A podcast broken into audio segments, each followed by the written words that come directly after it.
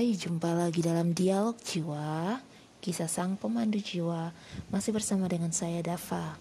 Kopang 09 Juni 2023 Pukul 09 lewat 41 menit. Jadi uh, akhir-akhir ini guys Aku udah mulai jarang podcast.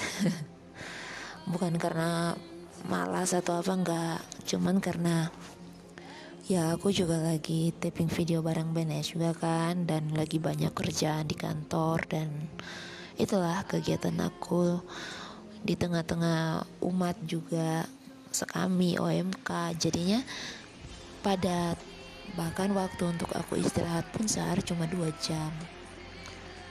Ya masih ada dengan yang lain-lain sih.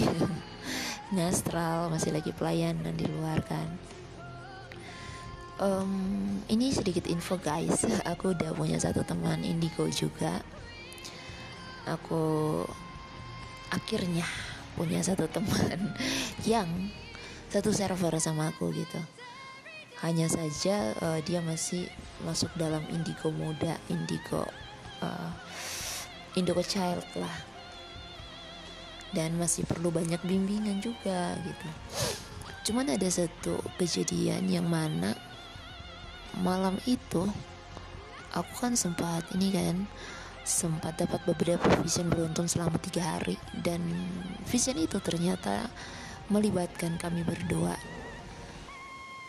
Jadi gini guys aku dapat dua taping video kan waktu itu di BNS jadi aku pergi uh, satu hari sebelum itu aku pergi ke ini ke gereja karena aku merasa bahwa vision yang aku lihat ini kayaknya kayak menjengkelkan, menakutkan, pokoknya campur aduk, tapi menyenangkan juga karena di situ aku lihat ada beberapa titik cakra yang memang benar-benar ngerespon baik di antara aku maupun di si Jordan ini gitu.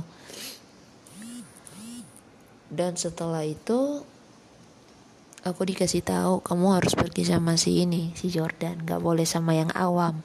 Jadi malam mau taping itu aku satu hari sebelum aku udah ngechat si Jordan. Dan aku berusaha mati-matian biar Jordan yang ikut yang mengajak dia sedemikian rupa lah meyakinkan dia.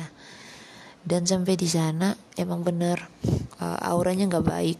Tameng yang mereka pasang di rumah mereka pun udah bolong guys dan itu yang membuat aku akhirnya uh, meminta Jordan untuk coba deh kamu membackup bagian bawah aku membackup bagian atas gitu.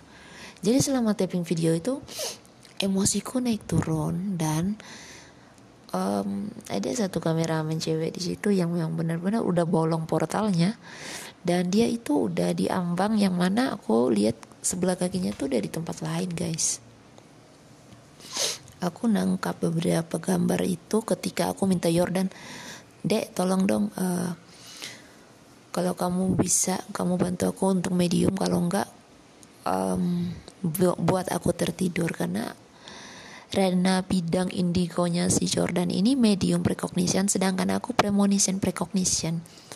Yang artinya di sini adalah Jordan mampu membuat badannya menjadi jembatan antara uh, bidang astral sama bidang manusia gitu. Sedangkan aku untuk menyeberang ke dunia astral aku harus melalui tempat uh, tempat tidur lagi, melalui tidur gitu, alam tidur, alam bawah sadar. Karena ketika aku sadar tingkat keindigoan aku itu dari 100% hanya 85% yang artinya ketika aku ngelihat aku menyentuh gambarannya tidak seakurat ketika aku tidur gitu. Aku nerima tangkapan gambar-gambar yang sepintas aja kayak contoh ya 2-3 menit atau 4 menit dapat gambarannya. Tapi itu beruntun loh guys. Tetap aja sama dengan hanya ketika aku tertidur jangkauan aku mau ngejar sampai mana pun aku akan dapat. Sampai ujung akarnya gitu. Jadi karena aku juga kebetulan yang ngejaga juga nggak ngizinin aku gabung sama aku karena aku dan dia udah berbaur guys kayak air. Jadi dia kayak ngapain gitu kenapa lu sampai segitu cintanya sama si anak ini? Lu rela gunain badan lu kan aku tuh udah disegel lama guys juga gitu. Dulu mediumnya tuh kebablasan kayak Jordan bolong-bolong gitu masuk keluar masuk keluar cuman karena ini satu tragedi yang mana akhirnya aku diharuskan untuk menyegel diri aku sendiri supaya enggak di ini enggak ditembusi segampang itu gitu dan malam itu luar biasa. Ketika Jordan uh, membuat aku ya setengah ter, setengah tertidur guys. Belum full itu tapi aku udah dapat. Aku udah dapat beberapa potongan gambar tentang si anak ini yang kameramen ini. Dan aku mancing banyak sosok untuk masuk ke dalam tubuh anak ini supaya kita selesaikan masalahnya. Dan di situ pula guys aku ngeliat Jordan aku ngeliat diri aku sendiri kalau kami berdua sedang diasah juga kemampuan kami berdua tanpa menggunakan sosok pendamping, tanpa menggunakan teman-teman tidak kasat mata kami gitu. Cakra kami pelan-pelan terasah gitu. Dan kami langsung tahu kualitas kemampuan kami, um, spesialisasi kami itu di mana gitu. Menyeramkan guys. Si kameramen ini, cewek ini, ini mau ditumbalin sama bokap kandung. Bahkan dia ngikuti ritual-ritual yang dia sama sekali nggak tahu kalau dia itu lagi di ritual gitu. Serem gak sih guys? Pastilah. Kenapa aku bilang kayak gitu? Tega loh bapaknya sama si anak. Malah si dukun-dukun ini memanfaatkan momen supaya anak ini bisa jadi tumbal mereka. Jadi malam itu aku memblokir semuanya aku memblok si Lia, aku berusaha untuk membackup si tubuh anak ini, aku bantu untuk rebut jiwanya dan kolaborasi antara aku dan Jordan keren loh malam itu. Hanya aku menangkap ada hal-hal ganjal di dalamnya.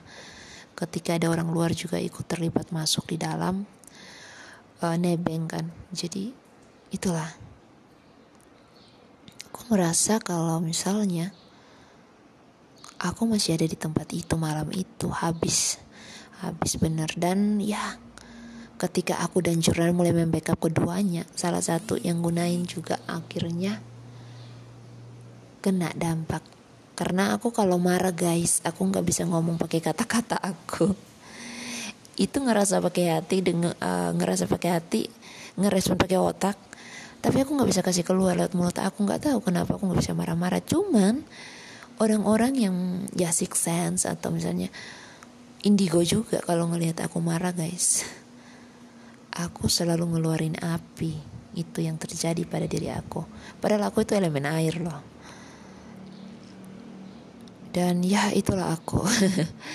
Ya itu sepenggal cerita untuk hari ini.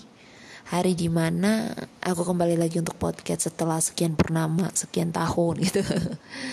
Kangen juga loh untuk membagikan cerita dengan kalian ya itulah aku juga sibuk kan oh ya nanti aku akan cerita uh, pada teman-teman sahabat sang pemandu jiwa tentang tumbal.